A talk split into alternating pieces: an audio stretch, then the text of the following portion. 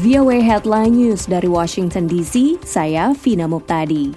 Menteri Keuangan Amerika Serikat Janet Yellen meningkatkan tekanan terhadap Rusia pada Senin menjelang KTT G20 di Indonesia. Ia mengatakan cara terbaik untuk mengakhiri gejolak ekonomi adalah dengan mengakhiri perang Ukraina. Ia mengatakan mengakhiri perang Rusia adalah kewajiban moral dan cara terbaik yang bisa dilakukan bagi perekonomian dunia, ujar Yellen kepada para wartawan ketika bertemu mitranya dari Prancis Bruno Le Maire di Bali. Mahalnya harga BBM dan pangan termasuk beberapa isu penting yang akan dibahas dalam KTT itu dan hampir semua negara G20 merasakan imbas ekonomi.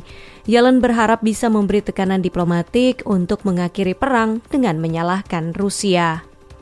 Presiden Amerika Joe Biden akan bertemu dengan pemimpin Tiongkok Xi Jinping secara tatap muka pada Senin untuk pertama kali sejak menjabat.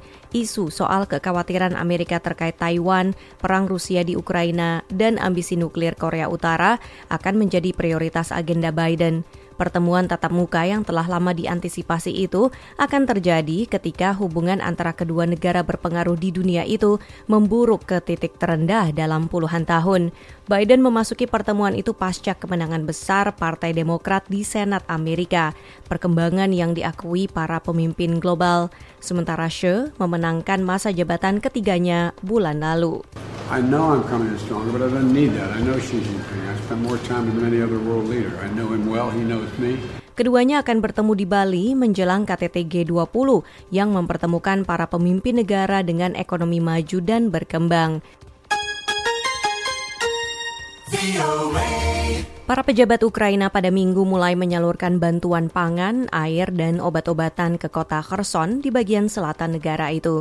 Perkembangan itu terjadi dua hari setelah pasukan Kiev memasuki ibu kota regional strategis yang pernah direbut Rusia pada awal perang itu. Kini Rusia telah meninggalkan wilayah tersebut.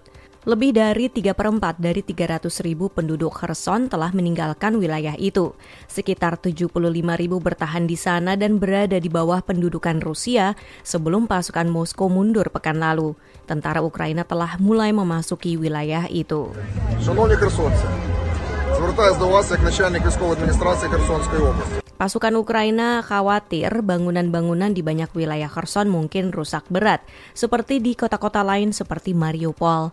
Tapi pejabat Ukraina mendapati banyak bangunan di Kherson pada umumnya masih utuh, meskipun pasokan air terbatas. Ambruknya bursa mata uang kripto FTX menjadi fokus penyelidikan pemerintah Bahama. Mereka ingin mencari tahu apakah ada unsur pidana yang terjadi, kata polisi Royal Bahama pada minggu. FTX mengajukan pilot pada Jumat yang merupakan salah satu insiden kripto terbesar. Hal itu terjadi setelah para pedagang bergegas menarik dana sebesar 6 miliar dolar dari platform itu dalam hanya 72 jam dan bursa saingan Binance mengabaikan usulan perjanjian dana talangan.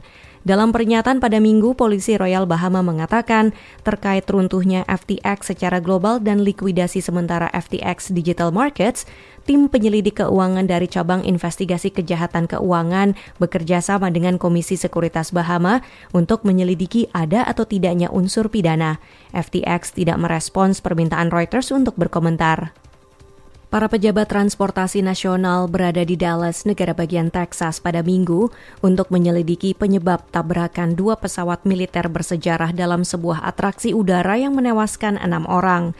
Pada Sabtu, sebuah pesawat pembom era Perang Dunia Kedua dan pesawat tempur bertabrakan di udara, lalu jatuh dan terbakar di sebuah wilayah rerumputan di dalam perimeter Bandara Eksekutif Dallas.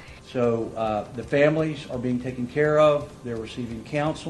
Kecelakaan itu terjadi tiga tahun setelah kecelakaan sebuah pesawat pembom di negara bagian Connecticut yang menewaskan tujuh orang. Insiden itu juga terjadi di tengah kekhawatiran mengenai keamanan atraksi udara yang melibatkan pesawat tempur kuno. Perusahaan yang memiliki pesawat-pesawat yang terbang di atraksi Wings Over Dallas itu juga pernah terlibat dalam beberapa kecelakaan lain dalam 60 tahun. Sekian VOA Headline News, saya Vina Muktadi. Sampai jumpa.